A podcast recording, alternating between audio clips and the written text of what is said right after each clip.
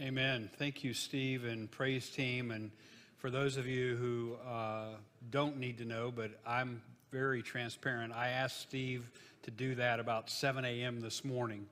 I had the idea that that should be sung to go along with the passage I'm preaching from, and I waited to text him until I figured he was up. And, uh, you know, because I had it late last night. And he, he may not even answer. He may be like uh, Dan, and all my text messages go to silent. I don't know. No, I'm teasing. Uh, Pierce did, I think. Pierce truly did. But um, that is a Fanny Crosby song uh, that those of you who may know, she is the blind hymn writer um, that Baptists claim, but I truly believe she was a Methodist. And she wrote that in 1875. Um, some theologians, or at least historic church musicians, which of course uh, Dennis was in my office earlier today, and I pulled a book from my shelf. One of my seminary professors wrote a companion to the Baptist hymnal where he did the history of every hymn as well as the author. Um, some will say that that line, and give him the glory, great things he has done, is one of the reasons it wasn't as popular as it could have been because who is the him they're talking about? Was it Jesus give the glory or give the glory to God? Well, I think if you struggle on that too much, you need to reread your Bible. I think Jesus says, if you've seen me, you've seen the Father. And I think you can give glory to, to one and both simultaneously. But nonetheless, it was a song that uh, Sankey and D.L. Moody, that Sankey uh, was the musician, D.L. Moody, most of you know Moody College, you know his history. They took that song to England, and it became very popular in England. And it did not have much of a, it didn't get much traction, you know, like the Beatles were in England, and they came to the U.S., and they got, you know, whatever. But it was the reverse of that. Um, it was Cliff Barrow, I think is his last name, with Billy Graham, who had gone to a revival in England – they brought the song back with them and sang it in Nashville in 1954. And most of you who grew up in Baptist churches probably can repeat that like Scripture. And it's full of Scripture. So I say all that to say this idea of bringing glory to God is something that we just don't do on Easter Sunday. We talked about it in our staff meeting this week. It'll be a down Sunday. It's like the Sunday after the Super Bowl. There's nothing to say, there's nothing to watch. Either your team won or your team didn't win, and hopefully your team won if you came here for Easter. Uh, Jesus was victorious over the grave. He, he conquered death. God showed what he could do. Yeah, I mean, that's exciting stuff.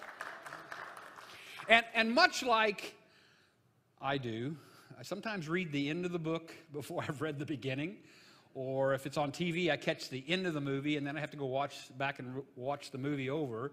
It's last week you got almost the end of the movie, almost the end of the book. And now, as we come back in our study of John, which we've been in since January of last year, we're on the 12th chapter. And Jesus has just got done uh, being anointed for his death. And I think it's important if we pick up this verse. Um, 19 that I don't even have for you in there today. But um, you'll understand, I think, verse 20 by it. The Pharisees have seen all the excitement that Jesus has brought to town. You know, this is the man who brought Lazarus from the grave. People are following him in groves. And the Pharisees say to one another, See, this is getting us nowhere. Look how the whole world has gone after him. Now, there were some Greeks among those who went to worship at the festive or at the feast. Could you tell they were Greek by what they were wearing? You know, commentators, it's, it's, it's really kind of comical as you read how people speculate. But you know, if you saw someone dressed in maybe a robe or a turban, you would say that's someone not from Texas. Well, but maybe you would. It depends on what part of town you're, you're working in. You know, if they had a cowboy hat on, oh, those are cowboys. They're from Texas. Well, maybe they're not. Maybe they're from New Mexico. But whatever, these guys stood out by the way they looked in some way that John could say there were some Greeks who were there. And were they proselytes or were they simply interested in Jesus? But we know through church history that the emphasis of the Jewish kingdom was across the land. And at the Pentecost, or excuse me, at the, at, uh, the Passover, people would come in. So obviously there are some Greeks that are there. They go to Philip. His name means horse lover. Philip, you know, you know that philos is the Greek word for love, brother love, and Uh, they say hippo is the Greek word for water horse, but they blend that together to get Philip. They've sought him out, thinking perhaps he speaks their language, and perhaps they did. So we look at verse 21. They came to Philip, who was from Bethsaida, that's the city of fish in Galilee, with a request. Sir, they said, I've heard sermon after sermon, we would like to see Jesus. What a perfect title for a sermon. Philip went to tell Andrew. He didn't take him immediately. He went to tell Andrew, and Andrew and Philip in turn told Jesus, These Greeks want to talk to you. King James says, I think King James says, Jesus replied to them. NIV leaves it out. At least on that version, it should, I think. Jesus replied, whether he's speaking back to the Greeks or to everyone, You've got it. He says, The hour has come for the Son of Man to be glorified. In fact, he's finally said, Now's the day. Today's the day. Today's the moment. This is the time that I've come to be glorified. I tell you the truth, unless a kernel of wheat falls to the ground and dies, it remains only a single seed. But if it dies, it produces many seeds. Now, he's talking about his own life, how he's come, he's going to die and through his death there will be life. He goes on to explain it and says, The man who loves his life will lose it. Uh, that word in the original language is the word we get psyche from. It's the Greek word psyche. And most commentators will say soul at this point. While the man who hates his life in this world will keep it for eternal life. And there's a different Greek word there for that last word of life. That's the word we, uh, you get zoology from. So, one is talking about basically if I got to give up everything to follow Jesus, will I or won't I? And that's the dilemma they have today. Verse 26 Whoever serves me must follow me, and where I am, my servant will be. My Father will honor the one who serves me. What a beautiful line. My Father will honor the one who serves me. Now my heart is troubled. Judd, only because you're looking down. What's King James say right there? Soul. Back to the same word, psyche. It's the same word. NIV says heart. Now my heart is troubled, and what shall I say? Father, save me from this hour? No, it was the very reason I came to this hour. So Jesus, who's both fully God and fully man, is struggling. The man part is going, dude, the cross is waiting for me. They are going to rip open my back with a whip. They are going to pierce my hands with giant nails strong enough to hang me on a cross. They are going to eventually stick a spear in me. They're going to crown me with a thorn, thorny crown. This is waiting for me. And, and Lord, if there's another way, but no, that's why he came, and he knows that. Father, verse 28, glorify your name. Then a voice came from heaven I have glorified it and will glorify it again. The crowd that was there and heard it said it had thundered. Others said an angel had spoken to him. Jesus said, This voice was for your benefit, not mine. Now is the time for judgment on this world. Now the prince of this world will be driven out. But when I am lifted up from the earth, will draw all men to myself. He said this to show the kind of death he was going to die. Would you pray with me? Father, it's easy coming off of Easter to say, I know the story, I know the outcome, I, I, I know that He died for me, and, and we forget the struggle that Jesus had. And we forget what He's asked us to do. He says, Follow me. Follow the whole journey. Follow me to the cross. Follow me to the grave. Follow me from the grave. Follow me to heaven because of who I am. And these words from this text are so clear. If we do thy will, if we will serve your Son, you will honor us. Not that we do it for the honor, or not that we do it for our own glory, but for your glory. Help us understand that a little bit better today as we talk about glory and what it means to glorify you. If we find today in this service that we have been living for our own glory, let this be the day that we lay those things aside. We put it in the ground to die so that it might spring life of glory for you. This is our prayer, for we ask it in Christ's name. Amen. So, the idea of glory, those of you who come to refuel, we dealt with glory a little bit in Romans this past week with J.D. Greear. If you remember that, I said it's like when you buy a new car, all you do is see other cars just like the one you bought. And when you hear the word glory in Romans, all of a sudden you're thinking about what you're going to be preaching on in John, talking about glory. I'm like, there it is, it's connecting once again. So today, my first thing I'd like you to, to think of is declare his glory. And there's that verse that I kept highlighting. My Father will honor the one who serves me. Jesus says in verse 23, My hour has come. And then verse 28, he says, Father, glorify thy name. Let's stop for just a second and talk about the word glory. That is probably one of the first Greek words I learned in seminary. I told you this a few weeks ago that you know I wasn't very good. I'm still not very good in it, but I like to talk about it because it makes me sound like I'm smart. That'd be my own glory to say that, right?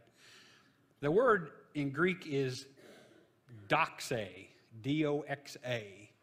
I've told this story before. Brenda and I were at a worship service in England, sitting in the back of the sanctuary, and there was a young couple in front of us, and in the bulletin it said doxology. And this couple said, I wonder what doxology means. He goes, Well, ology is the study. Must be the study of ducks. It's a duck study. That's what it is. No, it's the two blending of, of the word logos, log, the word for word, and the word for glory. It is a word of glory. That's what a doxology is. It is giving glory to God through our words. But doxa is a Greek version of the Hebrew word, which was kavod, K A V O D, which meant a weight. It was something to carry, it was prestige, it was honor, it was splendor. Splendor. I don't say that word very often. I say it unless it's splenda, the you know, splendor. It, glory was something that was bestowed on someone. It was something that someone had. And, and we know, uh, as the, the words gets translated differently, uh, those of you who know from the Sermon on the Mount, uh, Jesus talks about Solomon and he's talking about the birds, he's talking about the flowers. And he said, Solomon in all of his what? Glory or splendor, if you're, I think NIV may say splendor, uh, did not adorn himself as such as one of these. But yet we pursue glory in our lives all the time, don't we? Come on, be honest. We want to be the one who scored the winning run, right? We want to be the one at work who saved the day. We got the project done. We're the one who got promoted. We're the one who, whatever, you know, got the new car. We're the one who did something for somebody else to get glory for ourselves. We want to be the Warren Buffetts, the movie stars, the rock stars, the athletes. We want to be the politicians. We want people to say, You're the best. I'll vote for you. You got the money. I'll follow you. But Jesus says, Give glory to God. Well, let me back up. A modern definition, then, for, for me, and some of you can disagree with me and talk later. I think uh, I wrote this down. Modern definition of glory is praise or weight, to use the original word, value, significance for what you have done. Something you've done, you get glory for it. And we know that every good thing comes from God, right? Yet we like to take credit for everything. When our children do well in school, well, it's because I read to them. Mm-hmm. When our, when our you know, businesses do well, it's because I'm a hard worker. No, I, I think we want others to sing our glory, but Scripture teaches us to seek out God and declare glory to him. Listen to these passages I pulled out. 1 Chronicles 16, verse 24. Declare his glory among the nations, his marvelous deeds among the peoples. David writes it again in Psalm 96 Declare his glory among the nations, his marvelous deeds among the peoples, a verbatim. Isaiah 42 the prophet writes, Declare his glory and proclaim his praises in the islands. Now, what's mind blowing is that God does for us something that glorifies his name that most of us would never even consider. He gives his son for us. In fact, God's answer to Jesus when he says, Glorify the name, God says, I have glorified my name and I will glorify it again. He sent Christ to us and he will bring him back from the grave.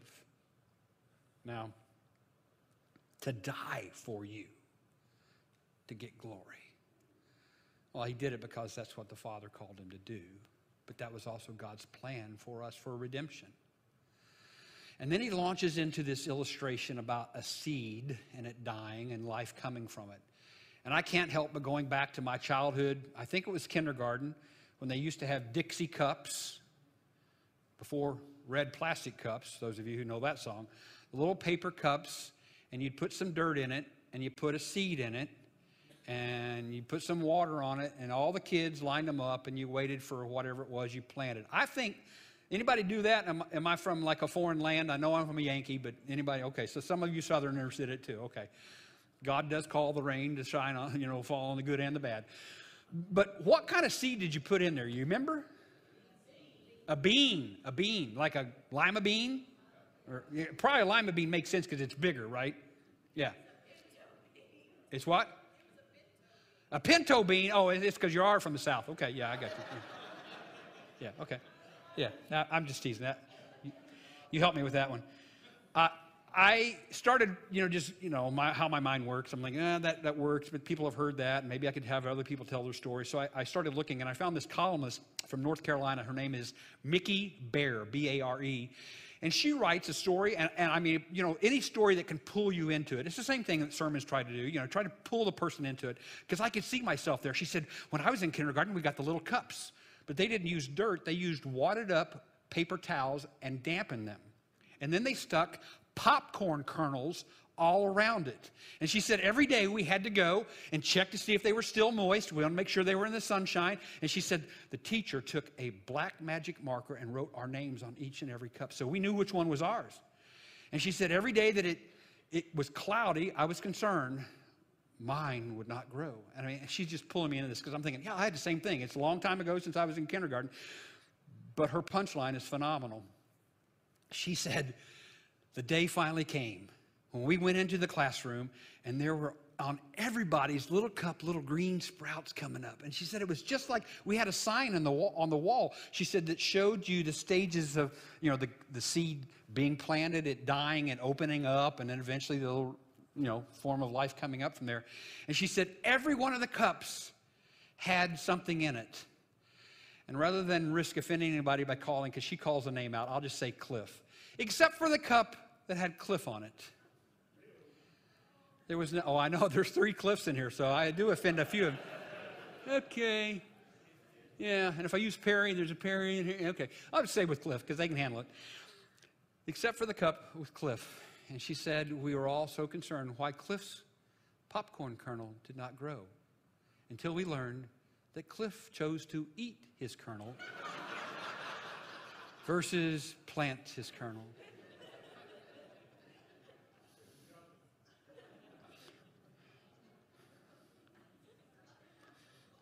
Well,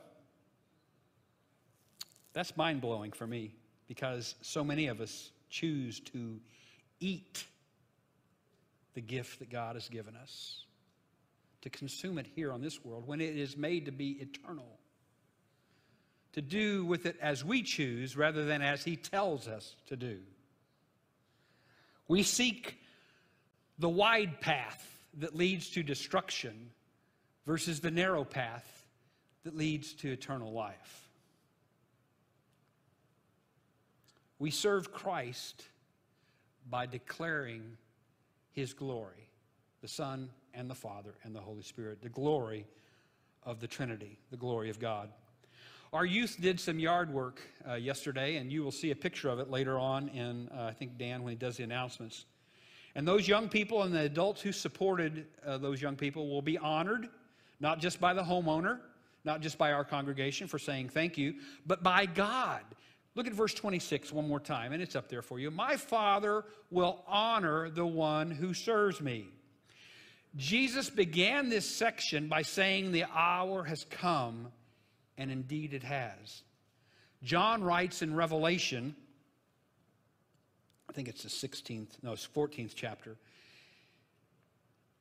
He said in a loud voice, Fear God and give him glory, because the hour of his judgment has come. Worship him who made the heavens, the earth, the sea, and the springs of water. The time is now to declare his glory, not just on Easter Sunday, but each and every day, right now. And that leads to our second point, because the time we live in is a crisis time. As Jesus was struggling with his human fears of death, a cross, a beating, a mocking, a crown of thorns, that spear in his side that I talked about earlier, all those things, he pushes fear back and says, Father, glorify thy name. And a voice from heaven speaks. God speaks. It's the third time in Scripture that God's voice is mentioned. One at Jesus' baptism, so at the beginning of his ministry, two at his transfiguration, and three now right before the cross. So, three times the Father has spoken and confirmed and affirmed his love and who Jesus was and is. But Jesus says, I, I didn't need it, it was for your benefit. And it's interesting how the people who heard it, some thought it was thunder, some thought it was a voice of an angel. And sometimes our churches are the same way we sound more like thunder than proclaiming the voice of God. So, Jesus says, Now is the time of judgment in verse 30. Let me look at that with you for just a moment. Jesus said, This voice was for your benefit, not mine. Verse 31 Now is the time for judgment on this world. Now the prince of this world will be driven out. First time in John, we've talked a little at all about Satan, really, the prince of the world. Interesting that Christ gives him a somewhat royal title, but that's who he is. He's the prince of this world. And Jesus says, now is the time for judgment. One more Greek word study. The Greek word for judgment. And I believe I've shared it with you before because when I read it again this week, I thought, oh, that rings a bell. Why have I forgotten that? The Greek word is crisis. Judgment is a crisis. A decision is to be rendered, a decision is need to be made. A punishment or a forgiveness is to be given. And I would say that in our country, in our, in our world, in our nation, we are in a time of crisis, unlike any I have ever recalled in my lifetime. Pew Research listed the top crises that Americans have on their mind, and this was a two year old, maybe three year old study. And these are in no listing. In fact, what they do is they break it down by ethnicity and by northern southerner, all these different ways. Because for different people, these are higher on the list. So I'm just reading them to you. They're not on a priority, but these are the top things that they think Americans are thinking about when we stand at crisis affordability of health care drug addiction, affordability of college education, federal budget deficit, climate change, economic inequality, racism, illegal or yeah, illegal immigration, terrorism, sexism, and job opportunities for all Americans. And as I read that list, I thought, mm-hmm, yeah, but I would add a crisis of war, war, the fear of another pandemic, the crisis of hunger, the crisis of mental health, the crisis of prejudice, the crisis of how to value life, because our country seems to have forgotten the value of life. The crisis of who or how gender is determined. And I think it all leads to the crisis of the church. The church is in crisis. Oh, I know, not First Baptist Church of Lotus. Oh, no. But the church is in crisis. Jesus says the time has come to drive out the prince of this world. And only Christ can drive him out. And only by following Jesus will we break free from his grasp. So stop eating your popcorn kernels and plant them. See what you need. In fact, this was uh, a, Dennis and I were saying, What are you planting? Is the other question. You know, I ask you with the lima beans. Some of us plant bad things.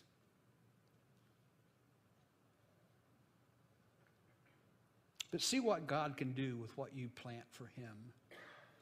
He goes on to say, He will, Jesus says, I will draw all men unto me when I am lifted up. And that's recalling John 3 14. Prior to the great verse we know, for God so loved the world, he talks about in verse 14, He will be lifted up. And its meaning here, I think, has a twofold or perhaps even a threefold meaning. Not only lifted up on a cross, but lifted out of the grave and then lifted up into glory from Acts 1. In crisis, what do you do?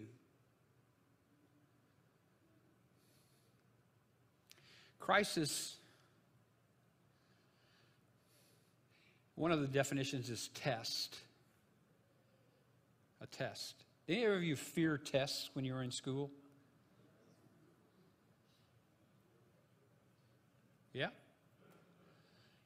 If you were prepared, the fear level was a lot lower, right?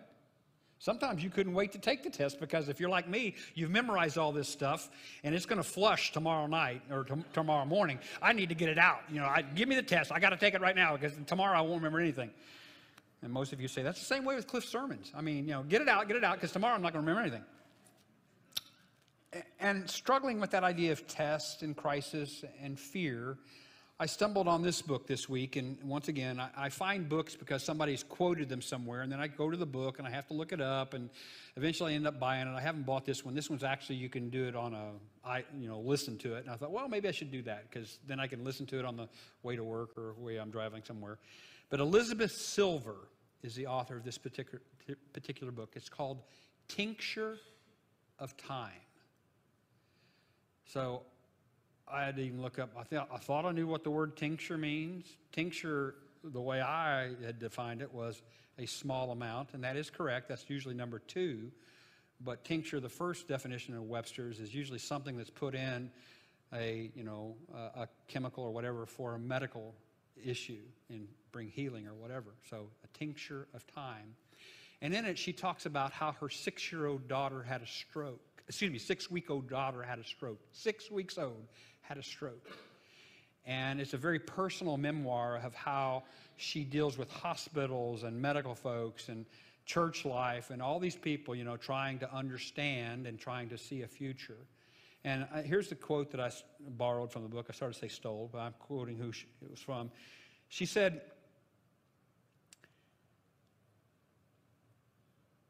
I found that most people's biggest concern was not fear of illness, financial loss, or death, but living with uncertainty.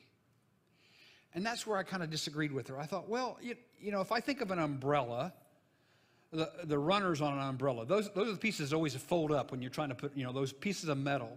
Those, you know, illness, finances, you know, all those are under the umbrella of fear, right? Because some of us do fear dying more as you get older or you fear for your children, or, or you, you feel for, fear for your job. So all those things come underneath that umbrella of fear. But what she did say is that uncertainty, whether it be in health or any other time in life, determines how you approach life.